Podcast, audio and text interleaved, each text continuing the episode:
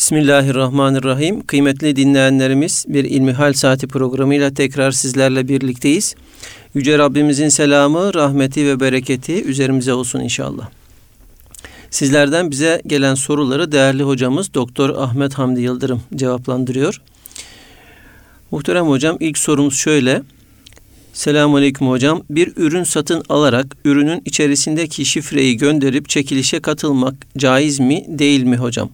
Sonuç olarak ürünü satın alıp tüketiyoruz ve şifreyi gönderiyoruz. Kazanmayanın bir kaybı var mı bu durumda? Elhamdülillahi Rabbil Alemin ve salatu ve selamu ala Resulina Muhammedin ve ala alihi ve sahbihi ecmain. Cenab-ı Allah bize çalışıp kazanmayı, elimizin emeğiyle, alnımızın teriyle elde ettiklerimizden yemeyi emrediyor. Bu meyanda Hazreti Peygamber sallallahu aleyhi ve sellem Efendimiz insan oğlunun en hayırlı yediği elinin emeğinden kazanarak alıp da yediğidir malinde bir hadisi şerifleriyle bu meselenin ehemmiyetini bizlere ifade ediyorlar. Ve nitekim Davud Aleyhisselam da kendi el emeğiyle kazandığının ürününü yerlerdi buyuruyorlar. Binaenaleyh asıl olan emek vererek, çalışarak, çabalayarak bir netice elde etmektir. Ve bu hayırlı kazancımızı kendimize, ailemize, bakmakla yükümlü olduğumuz kimselere yedirmektir. Bunun dışında şansa dayalı olan, efendim talihe dayalı olan her türlü teşebbüs yasaklanmıştır.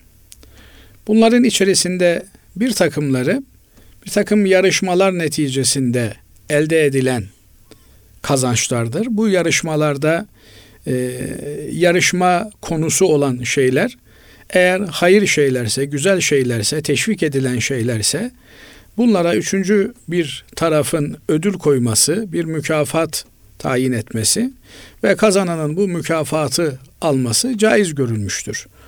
Söz gelimi bir at yarışında yarışanların içerisinden birinci gelene efendim devletin verdiği, belediyelerin verdiği, efendim bir takım kuruluşların verdiği ödüller ata binme sporunu teşvik ettiği için efendim bir yüzme müsabakasında, bir e, ok atma müsabakasında, bir farklı kürekçilik müsabakasında vesairede eğer bir ödül konulmuşsa yarışan takımların veya yarışan kimselerin içerisinde başarılı olanlara verilecek ve bu ödül de bizzat yarışanlardan alınmıyor.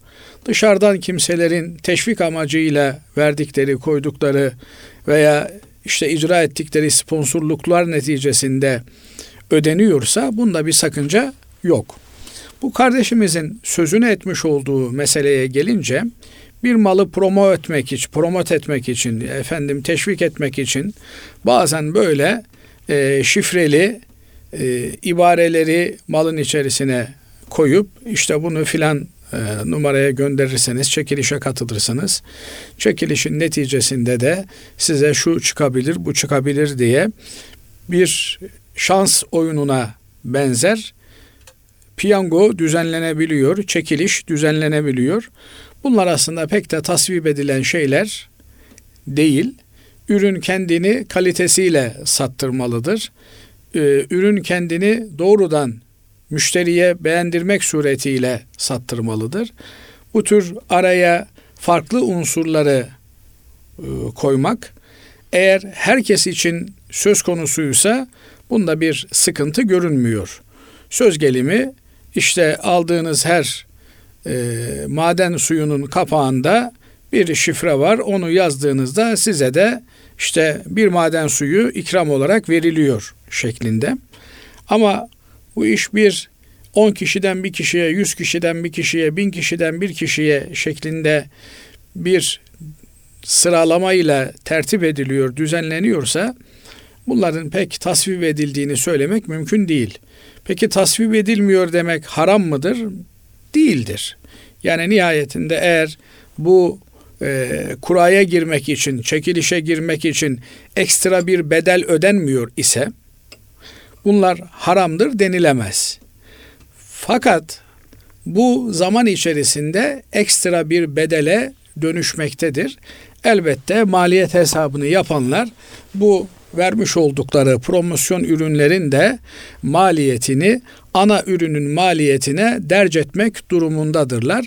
Aksi halde bu işleri bilenler bunun yürümeyeceğini bilirler. Binaenaleyh şunu kardeşimize söyleyebiliriz. Herhangi bir ürünü ihtiyacınız olduğu için aldınız. Onun efendim e, çekiliş için şifre verdiğine vesairesine bakmadan ihtiyacınızdı aldınız. Ekmeği aldınız işte ekmeğin e, fırın etiketinin altında şifreyi gönderirsen bir çekiliş çıkar dedi. Siz de gönderdiniz bir şey çıktı. Bunu almakta bir sakınca yok. Eğer maksadınız ekmeği almak idi ise ama elmek ekmek üzerinden ekmeği alırken bu çekilişe de katılırım türünden bir şeye niyet etmişseniz o zaman tabii bu e, doğru bir şey olmaz. Bu gibi noktalara dikkat etmek lazım. Özetleyecek olursak bir malı bizzat ihtiyacımız diye alıp ondan sonra o mal üzerindeki bu tür çekilişlere katılırsak problem yok.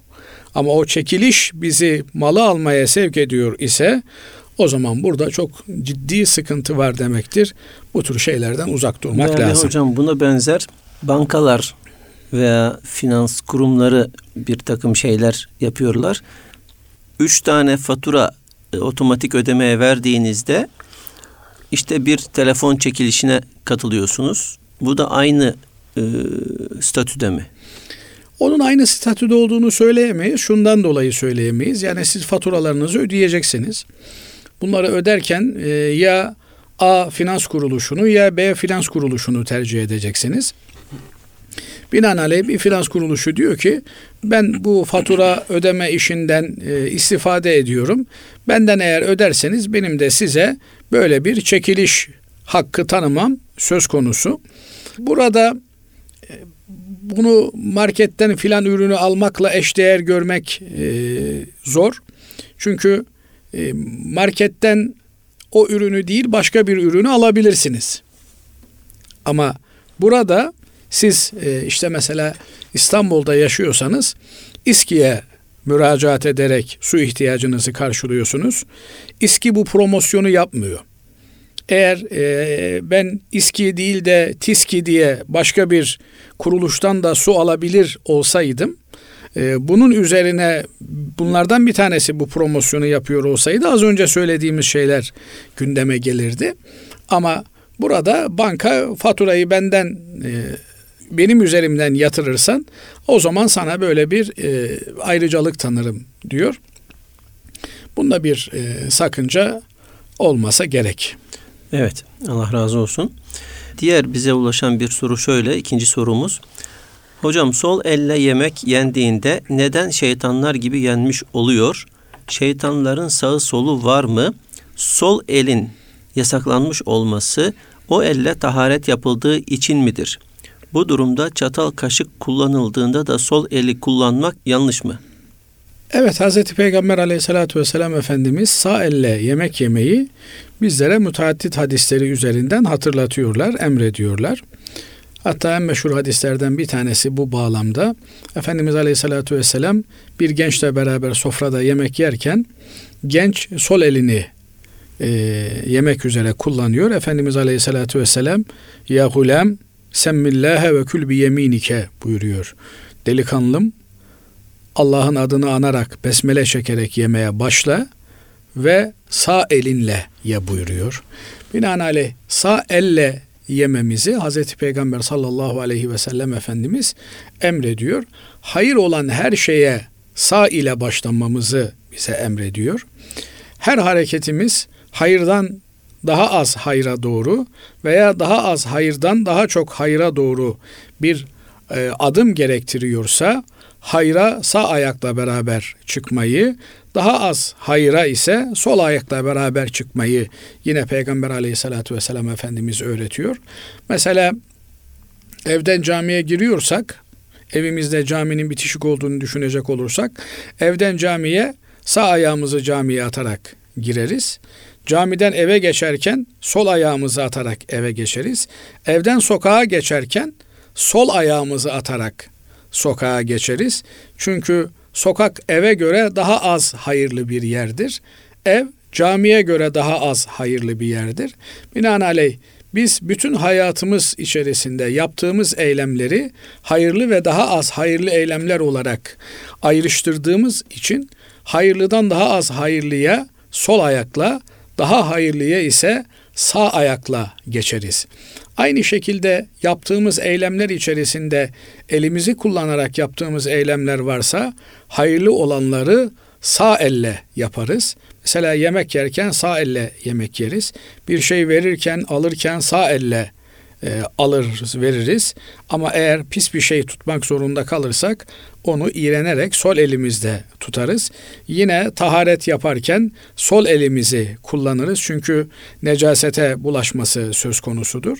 Binaenaleyh yemek hayır bir eylem olduğu için bizim vücudumuzun ibadet için ihtiyaç duyduğu gıda, enerji yemek suretiyle elde edildiği için sağ elle yapılan bir eylemdir. Fakat bundan daha da önemlisi Efendimiz Aleyhisselatü Vesselam sağ elle yiyiniz, sağ elle içiniz buyurmuştur. Zira şeytan sol elle yer buyurmaktadır. Kardeşimiz çok önemli bir noktaya temas etmiş. Şeytan bizim gibi bir varlık mı? Onun eli, ayağı, gözü, kulağı vesairesi var mı? Ee, şeytanın biz e, ateşin dumansız tarafından yaratılan bir varlık olduğunu Kur'an-ı Kerim'den öğreniyoruz. Ee, insan topraktan, balçıktan yaratılmış bir varlık ve Cenab-ı Allah ona el, ayak, göz, kulak vermiş. Şeytanın böyle eli, ayağı, gözü, kulağı var mı? Şeytan bizim bildiğimiz anlamda bir cisim mi yoksa e, basit bir varlık mı? Yani hücresiz olan e, bir varlık mı?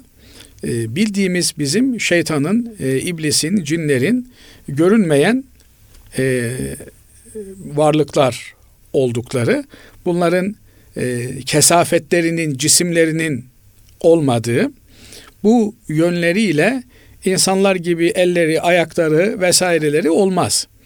Fakat alma, verme, yeme, içme gibi bir takım fiiller hadisi şeriflerde e, cinlere nispet edilmektedir.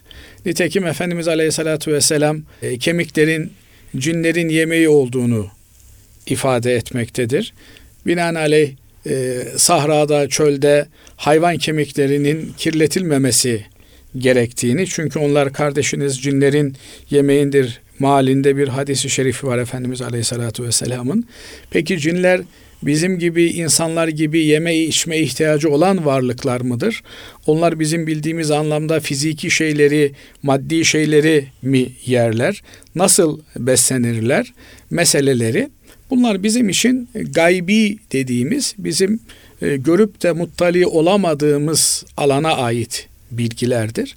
Bunlarla ilgili bizim bir takım yorumlarda bulunmamız söz konusu olsa da bu yorumların test edilebilme imkanı, doğrulanabilme imkanı olmadığı için bunların hepsi yorum düzeyinde kişiye e, indirgenen bilgi düzeyinde kalır. Kimseyi bağlayıcı veya kesin böyledir denilebilecek bir bilgi değildir. Ama Hazreti Peygamber aleyhissalatü vesselam Efendimiz sol elle yiyen şeytandır dediğine göre buradan bir takım şeyler anlayabiliriz. Bunlardan bir tanesi Efendimiz aleyhissalatü vesselam sağ elle yenmesini emrettiği halde sol elle yemeye devam eden kimse şeytanın yaptığını yapıyordur. Yani şeytana Cenab-ı Allah Adem'e secde etmesini emretti ama Adem aleyhisselama secde etmeyi şeytan reddetti. Binaenaleyh şeytanın yaptığı iş amirine, yaratıcısına, kendisine emretme makamında olan Rabbine itiraz etmekti, karşı gelmekti, isyan etmekti. Bu durumda da sağ eliyle değil de sol eliyle yiyen Cenab-ı Peygamber aleyhissalatü vesselam Efendimiz'e itiraz etmiş, karşı gelmiş, onun emrini yerine getirmemiş olur.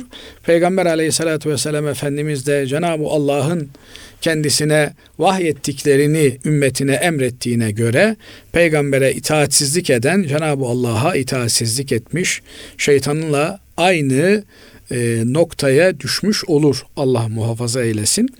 Bu yönüyle e, şeytanın bizzat yemek yemesi gerekmiyor bu anlama göre. Ama sol eliyle yemiş olan kimse şeytanın yaptığı işi yapmış olur. Bakın Basri Hocam çok enteresandır. Şeytana Cenab-ı Allah iblise Adem'e secde etmesini emrediyor. Bir yönden bakarsanız şeytan ben Allah'tan başka kimseye secde etmem. Ben yaratılmışlara secde etmem. Yaradana secde ederim sadece. Demek suretiyle tırnak içerisinde sözüm ona tevhidi temsil ettiğini de iddia edebilir. Onun için bugün bazıları mesela tevhidi temsil ettiklerini, Kur'an'ı savunduklarını, Kur'an'dan başka bir şeyi kabul etmediklerini söyleyerek gerçek Müslüman olduklarını iddia ediyorlar. Aynen şeytanın yaptığını yapıyorlar. Ben Allah'tan başka kimseye secde etmem. Dolayısıyla diğer meleklere Cenab-ı Allah imtihan olsun diye Adem'e secde edin dedi. Onlar imtihanı kaybettiler. Niye? Allah'tan başkasına secde ettiler.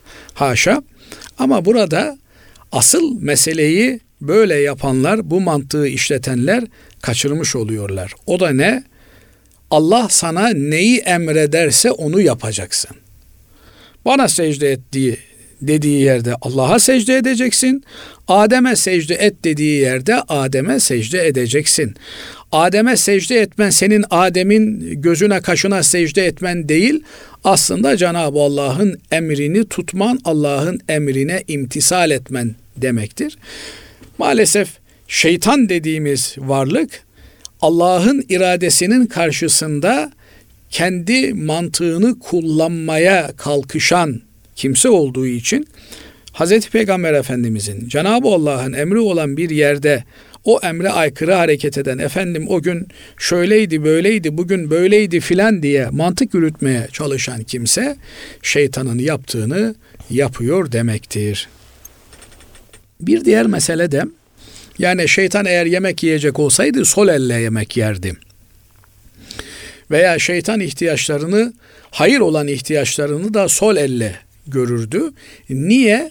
Çünkü şeytan demek şeytani fıtrat demek Allah'a isyan demektir. Allah sağ elle ye dediği halde o sol elle yiyecekti. Allah sağdan gel dediği halde o soldan gelecekti.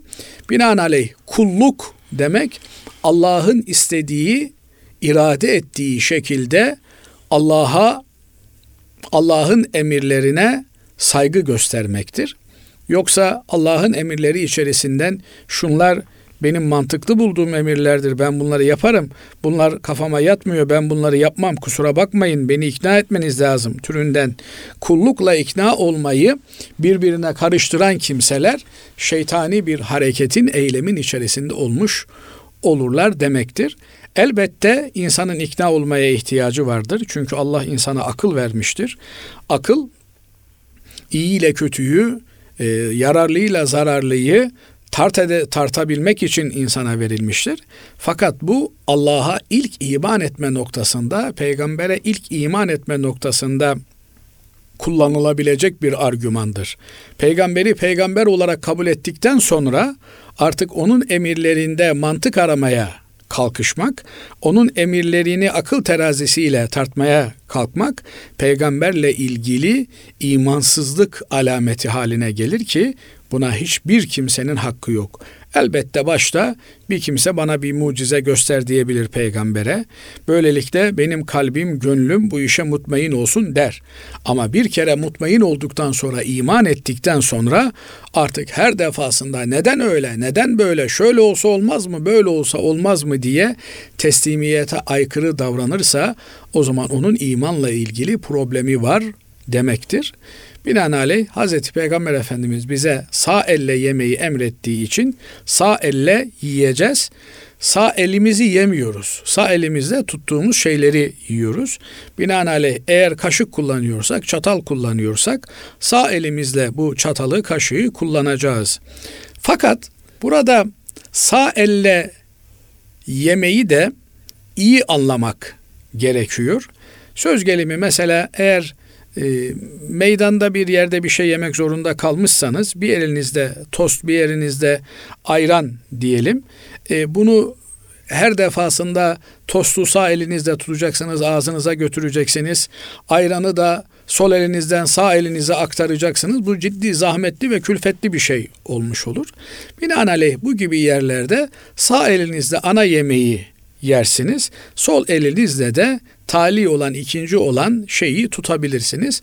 Burada da iyi olan, güzel olan sağ elinizi de ona zammetmek suretiyle efendim diyelim ki şu bardağı sol elinizde kaldırdınız. Sağ elinizde tost var. Sol elinizde bardağı ağzınıza götürürken sağ elinizde de destek yaparsınız. Böylelikle sağ elinizle aldığınız anlamına gelir. Burada temel noktayı buradan tekrar hareke, e, hareketle ifade etmek isterim. Aslı olan Hazreti Peygamber aleyhissalatü vesselam Efendimizin bize öğrettiği yeme adabına riayet etmektir. Yoksa adamın sağ elinde problem var, sağ eli sargılı, sağ eli efendim e, güçsüz kalmış, Sağ elini kullanamıyor, sol elini kullanıyor. Sol elini kullanıyor diye haşa şeytanlaşmış filan demek değildir. Niye? E bu adamın sağ elinde gücü olsa, sağ elini kullanabilme imkanı olsa elbette sağ elini kullanacaktı.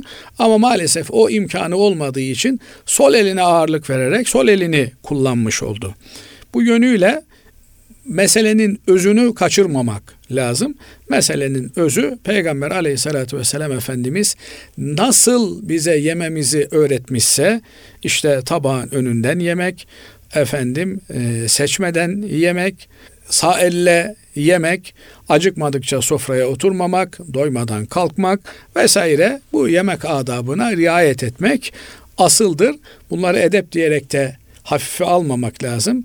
Bazen edep farzın en önemli unsuru haline gelebilir. Çünkü kime karşı edepli davrandığınız meselesi önemlidir. Ee, Cenab-ı Allah bir şeyi emrediyorsa orada edebe riayet etmek o emri yerine getirmek kadar önemli hale gelir. Değerli hocamız sizden bize ulaşan soruları cevaplandırıyor. Selamünaleyküm hocam demiş dinleyicimiz. Ben Aleyküm evimi selam. satmak için internet üzerinden ilan koymak istiyorum. Ancak yüksek fiyattan koymak istiyorum. Yani piyasanın biraz daha üstünde. Bu şekilde ara, evimi satmak istemem dinen ve ahlaken doğru mudur? Şimdi tabi e, Hazreti Peygamber aleyhissalatü vesselam Efendimiz bu tür insani ilişkilerde altın kuralı şu hadisleriyle bizlere beyan ediyorlar. Buyuruyorlar ki La yu'minu ahadukum hatta yuhibbe li ahihi ma yuhibbu li nefsi. Sizden biriniz kendisi için sevdiği, hoşlandığı şeyi kardeşi için de sevip hoşlanmadıkça, istemedikçe iman etmiş olmaz diyorlar. Binaenaleyh biz kendimiz için neyi istiyor isek kardeşimiz için de din kardeşimiz için de insanlık kardeşimiz için de aynı şeyi istemekle memuruz. Kimse haliyle kendisinin kar etmesini isteyebilir. Fakat kardeşinin de kar etmesini istemeye memurdur. Bu yönüyle aşırı fiyat söylemekten kaçınmak gerekiyor. Piyasa fiyatı neyse o fiyat üzerinden alacağımız, vereceğimiz şeyleri tayin ve tespit etmek durumundayız.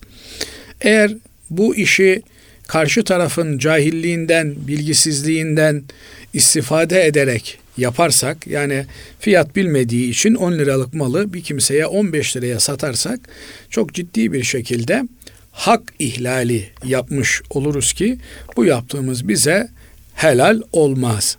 Ama bir kimse var ki gelmiş bizim evimizi beğenmiş. Kardeşim bu emsaldeki evler çevrede 100 liraya da bulunabiliyor. Biraz araştırırsanız 100 liraya da 90 liraya da bulabilirsiniz. Ama işte benim evime ben 120 lira değer biçiyorum. Siz ona göre düşünün, taşının, e, arzu ederseniz biraz daha gezin, daha ucuzunu da bulabilirsiniz. Şeklinde bilgilendirme yaptıktan sonra kişi illa yok ben senin evini almak istiyorum diyorsa ona 120 liraya evinizi satabilirsiniz. Fakat böyle bir e, açıklama yapmadan Hocam siz, bugün böyle bir açıklamayı kimse yapmaz yani. Biraz e, böyle altın çağlarda Peygamber Efendimizin çağına yakın bir çağlarda yaşıyoruz gibi bir e, yani ifade kullandınız. Bari sen böyle yapmasaydın Basri Hocam. Yani Efendimiz Aleyhisselatü Vesselam'a her yönüyle tabi olma mecburiyetimiz var bizim. Evet. Nitekim Hazreti Peygamberimizin sünneti dediğimiz şeyler, peygamberin yaptığı şeyler onun yaptığı gibi yapmakla mükellefiz. Bakın Ebu Hanife Hazretleri kendisine bir kumaşı 100 liraya satmaya çalışan bir hanımefendiye bu kumaş daha fazla eder. 200 lira deyince daha fazla eder, 300 lira daha fazla eder, en son 400 liraya da daha fazla eder deyince Ebu Hanife Hazretleri kadıncağız demiş ki siz benimle dalga mı geçiyorsunuz? Bunun üzerine Ebu Hanife Hazretleri bilir kişiye sorduruyor. Efendim nihayetinde kumaşın fiyatı 500 lira olarak tabi o gün dirhem geçiyor. Ben bugün izleyicilerimiz anlasın diye lira diye söylüyorum. Hasılı kelam 100 liraya alabileceği bir malı Ebu Hanife Hazretleri 500 liraya seve seve güle oynaya alıyor. Niçin? Az önce söylediğimiz hadisi şeriften dolayı çünkü karşısındakinin cahilliğinden, bilgisizliğinden istifade ederek ondan düşük malla bir şey almayı Müslümanlığına yakıştıramıyor.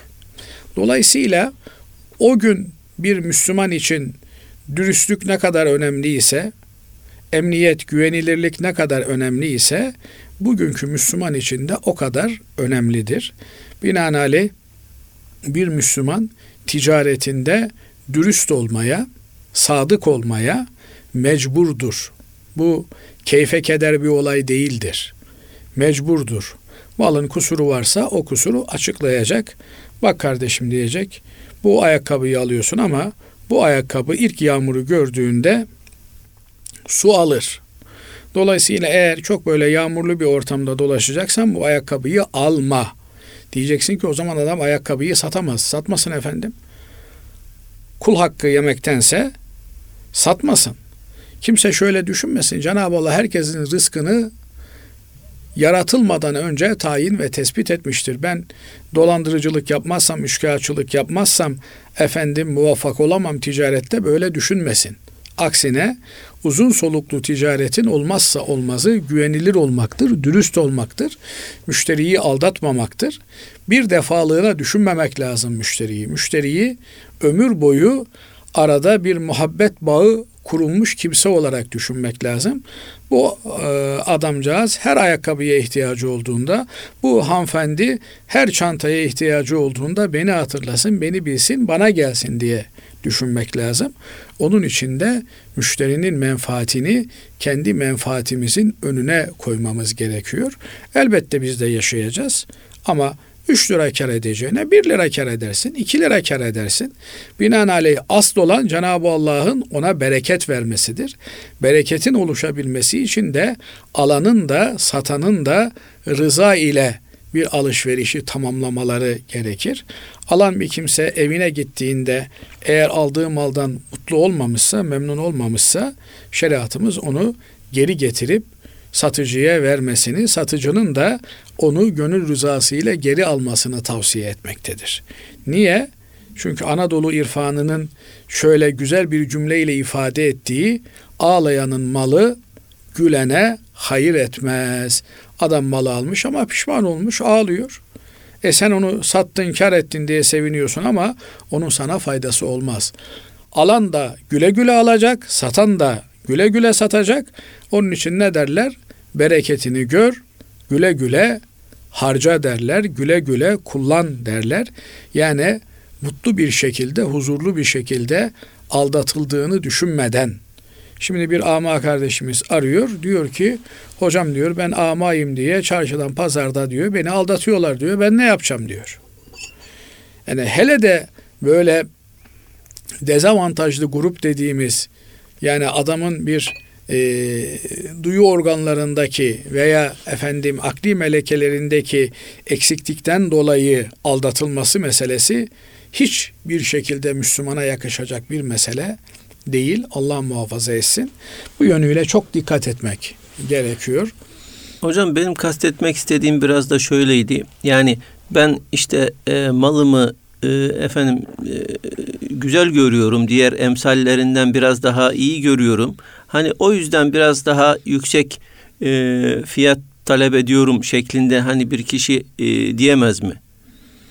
Şimdi tabii bu tür e, gayrimenkuller, kıymi mallar dediğimiz bunlar piyasada eşi benzeri olmayan mallardır. Hangi anlamda eşi benzeri olmayan maldır? Efendim bir apartmandaki daireler birbirine ne kadar benzerlerse benzesinler, 6. katla 3. kat aynı değildir. Şerefiye denilen, işte manzarası daha iyi olan, efendim ara katlar her zaman daha makbuldürler. Hele de evin içerisinde adam kendine e, özgü bir takım değişiklikler yapmışsa, onun fiyatı kendi takdirine kalmıştır. Ama bunu da satarken yani işte efendim benim evin şu özelliği var. Bundan dolayı ben biraz daha yüklü istiyorum. Ama siz bu özelliği olmayan başka evlerde bulabilirsiniz. Dolayısıyla onları daha ucuza da alabilirsiniz diye satarken kendi menfaatinden çok bunu bak samimi olarak söylüyorum. Müşterinin menfaatini düşünen bir dil ve üslup kullanmak lazım. Yani çünkü ee, özellikle de hadi bir tane dairesini satan bir kimse için alıcı olmakla satıcı olmak hemen hemen eşit hale geliyor. Çünkü e, adamın bir tane dairesi var. Onu satılığa çıkartmış. Satın alan kimseyle satıcı arasında bir sıfat farkı var.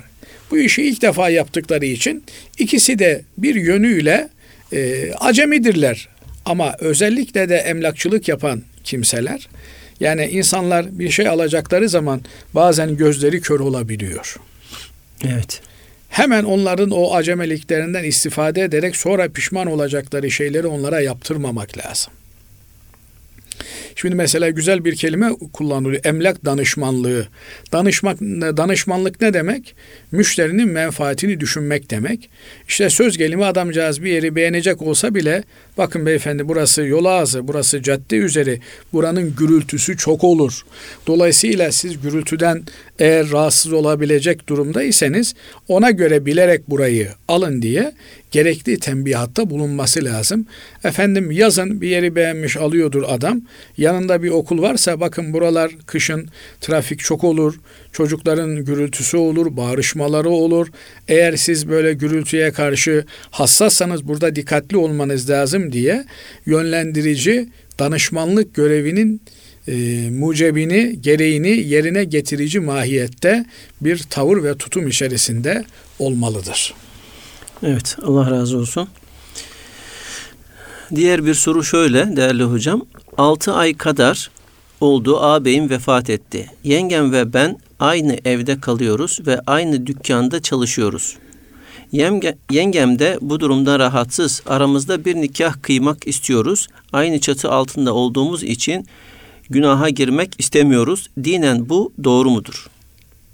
Şimdi bir defa evli olmayan yabancı bir bayanla yabancı bir erkeğin bir çatı altında olmaları asla ve asla ister yengesi olsun isterse bir başkası olsun yengesi ise daha da tehlikeli olmaları caiz değildir.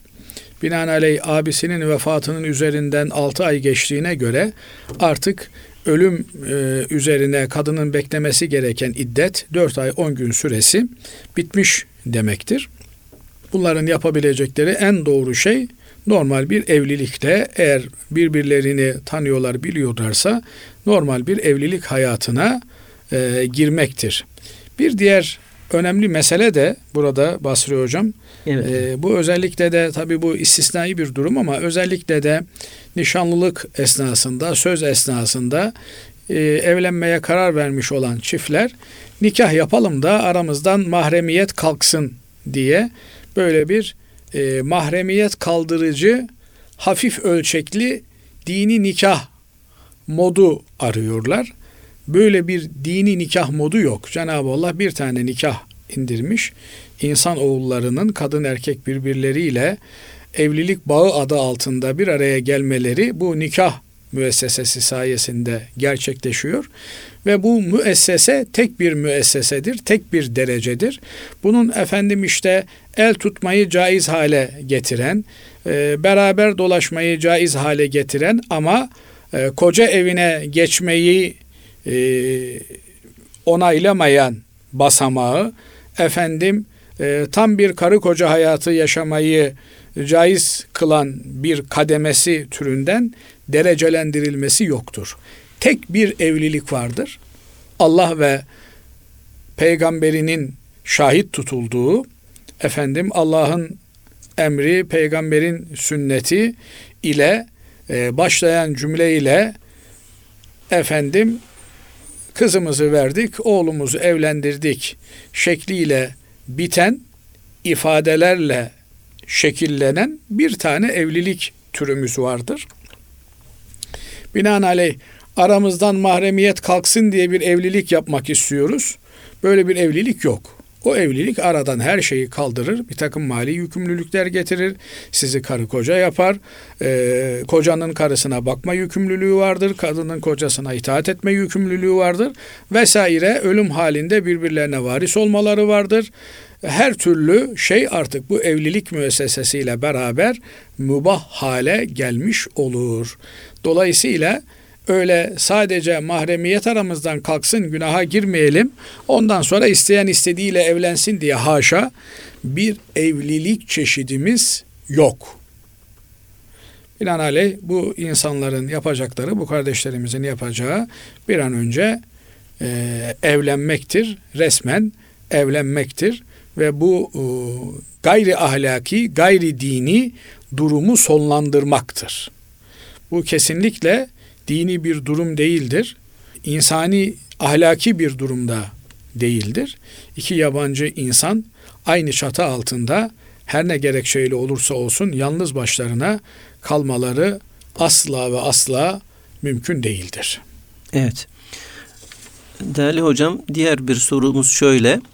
Dinimizle alay edenlere karşı tavrımız nasıl olmalıdır? Ee, biraz bunu açmak gerekirse özellikle e, işte ilk sorumuzla ilgili e, mesela işte sol elle yemek yani bugünümüzde bu çağda da sol elle yemek işte e, yenmemesi gerekir işte sağ elle yemek gibi bu tarzda daha çok dinin e, fer'i konularıyla diyelim e, fıkha müteallik konularıyla alaylar söz konusu oluyor. Özellikle bu kastediliyor sanırım. Şimdi e, bu fer'i meselesiyle ilgili de bir açıklama yapmakta fayda var. Zamanında herifin bir tanesi de başörtüsü furuattandır diye evet. bir laf etmişti. Efendim fer'i ve asli diye amele taalluk eden ve inanca bağlı olan meseleler diye iki kategoriden bahsediyoruz. Şimdi namaz kılmak amel cihetiyle fer'idir ama namazın Allah'ın bir emri olduğuna inanmak asli bir meseledir. Efendim başörtüsünü takmak amel cihetiyle uygulama yönüyle furuattan bir meseledir. Ama başörtüsünün farz olduğuna inanmak ve bunu Allah'ın emri olarak kabul etmek usul meselesidir. Yani ana konulardan, inanç esaslarından bir tanesidir. Bir kimse başörtüsünün farz olmadığını, Allah'ın emri olmadığını söylerse dinden, imandan çıkar bu adam. Ama evet başörtüsü farz, Allah'ın emri, Allah beni affetsin, dua edin inşallah nefsimi yeneyim, Allah'ın bütün emirlerini tutabileyim diye bir kimse aczini, kusurunu, günahını, kabahatini itiraf ediyor ve böylece başını örtememedi, örtemediğini söylüyorsa bu kimse evet furuattan bir mesele olduğu için bunun uygulaması dinden imandan çıkmaz. Müslümandır, kardeşimizdir. Efendim canımızdır. Ama başörtüsü de neymiş? Bu çağda başörtüsü mü olurmuş diye başörtüsünü tezif ve tahkir etmeye kalkarsa o zaman bu kimsenin dinle imanla bağlantısı kesilir. Diğer yandan efendim ben Çocukluğumdan beri sol elle yemeye alıştım. Bir türlü sağ eli kullanamıyorum. Yazarken de sağ elimi kullanamıyorum. Dua edin bana inşallah Cenab-ı Allah yardım eder. Sağ elimi kullanırım ama ne yapayım şu anda sağ elimle yediğim zaman üzerime döküyorum diye. Bunun ızdırabını çekerek bir kimse sol elli yiyorsa Efendim buna denilecek bir şey Allah seni de beni de affetsindir. Yani nihayetinde sol elle yemek adamı dinden imandan çıkartmaz. Ama peygamberin hadisi de olsa ben bu işler bu çağda böyle olmaz diye peygambere laf atmaya doğru giden bir cümle kullanacak olursa bu iş teferruat meferruat diye geçiştirilemez. Binaenaleyh meselenin teferruat olan tarafı ciheti uygulama yönüdür. Fakat inanç ile alakalı olan kesimi mutlaka benimsenmesi gereken, kabullenilmesi gereken bir meseledir. Eğer kesin delillerle sabit olmuş, iman esasları içerisine girmiş bir mesele ise muhatabın e, efendim dalga konusu yaptığı bir mesele bu kimseyle olan hukukumuzu gözden geçirmemiz gerekiyor.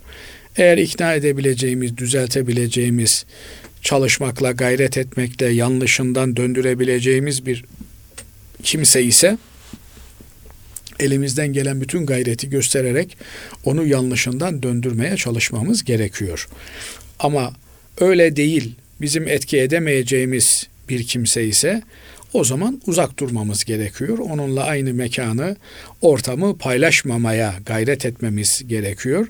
Hele de bu tür e, dinle, imanla e, alay geçilen bir ortamda asla bulunmamamız gerekiyor. Tabi e, bunları söylerken Basri Hocam e, muhterem dinleyenlerimiz haklı olarak diyorlar ki efendim biz zaten öyle ortamlarda bulunmayız Allah muhafaza etsin.